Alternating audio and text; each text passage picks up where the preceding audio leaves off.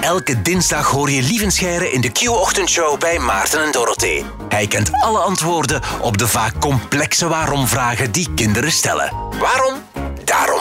Het overkomt elke ouder, laat ons eerlijk zijn, een kind dat door een waarom-fase gaat. Duizend vragen waar je als volwassene ook vaak het antwoord niet op kent.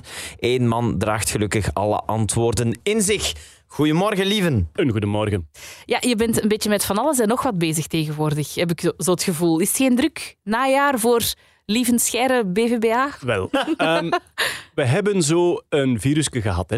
en zo wat lockdowns na elkaar. Ja. En wat er eigenlijk gebeurd is, is heel mijn agenda kun je je voorstellen als een soort laagje sneeuw van dingen te doen.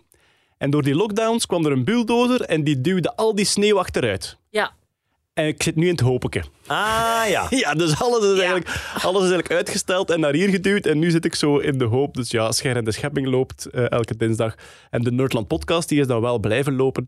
En eh, nu ben ik een nieuwe show aan het schrijven ook.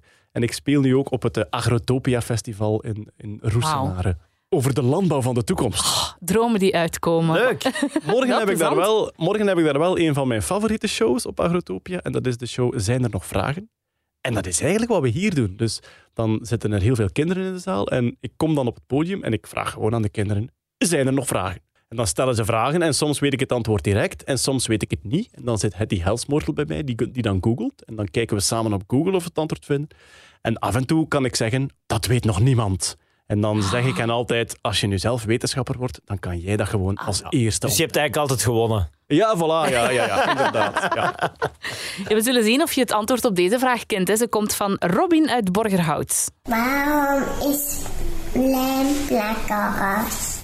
Waarom is lijm plakkerig? Lijm kleeft dingen aan elkaar en de manier waarop lijm dat doet is eigenlijk razend interessant. Mensen denken soms dat lijm dingen doet samen smelten. Sommige speciale lijmen doen dat, maar de meeste lijmen doen dat eigenlijk niet. De meeste lijmen die vormen een soort draadjesnetwerk. Dus als die lijm vloeibaar is, dan zitten er allerlei stofjes in opgelost.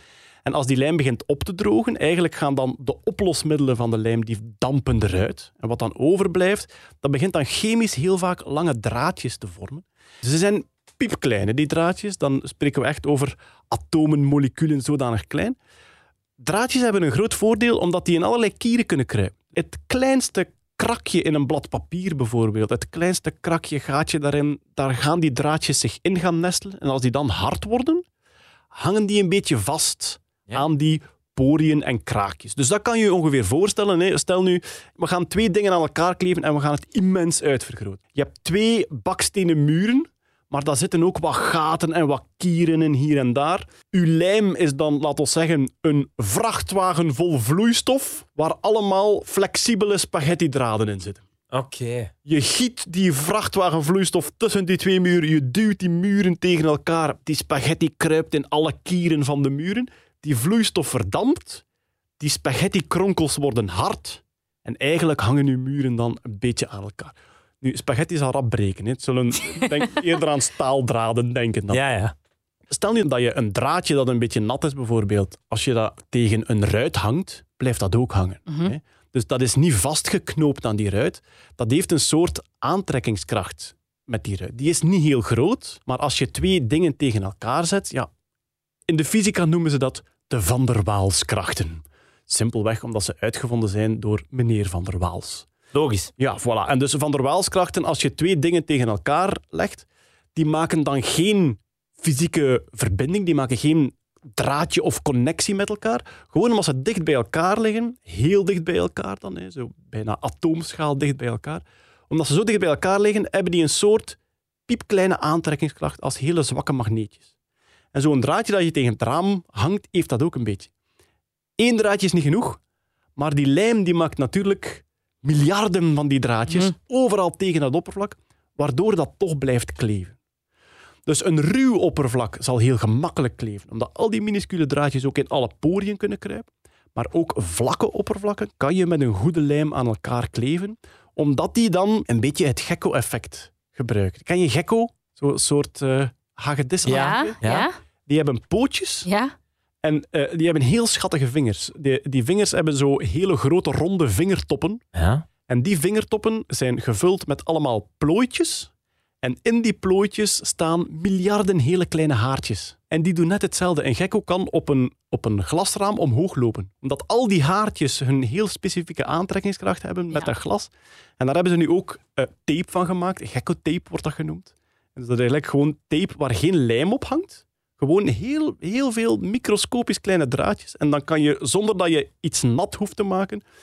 Ik had ooit zo een telefoonhoesje met gekko-tape. En die kon je dan gewoon zo tegen de venster duwen en dan bleef die hangen. Maar ze maken dat toch niet van gekko's, hè? Nee, ze maken het niet van gekko's. Nee, Ah, ja. eh, Nee, dan is het over de techniek. het wordt ja. momenteel chemisch gemaakt.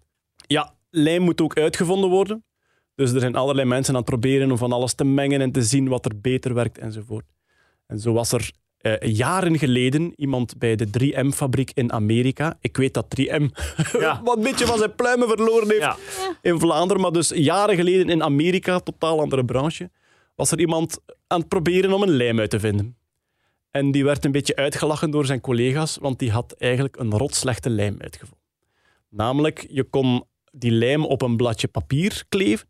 En als je dat dan ergens eh, aanhing Ah ja. en je, je, je raakte dat papiertje gewoon eventjes aan, dan kwam het direct los. En dus iedereen lachte hem uit, omdat hij post-it. de Tuurlijk. slechtste lijm Ah. ooit uitgevonden heeft. En inderdaad, toen dacht hij plotseling, wacht eens, als ik dit nu eens verkoop als post-itjes, die moeten Wauw. helemaal niet lang plakken. En zo is de post-it uitgevonden. Dat was een mislukte lijm. Zo is de post-it. Zalig. Cool. Maar dus, samengevat, lieven. Waarom is lijm plakkerig? De meeste lijm die vormt als hij opdroogt heel veel kleine draadjes of een heel klein netwerk van draadjes.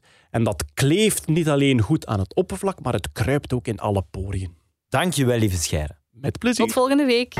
Dit was Waarom Daarom. Luister ook naar de andere afleveringen van deze podcast. Maarten en Dorothee hoor je elke ochtend van 6 tot 10 bij Q-Music.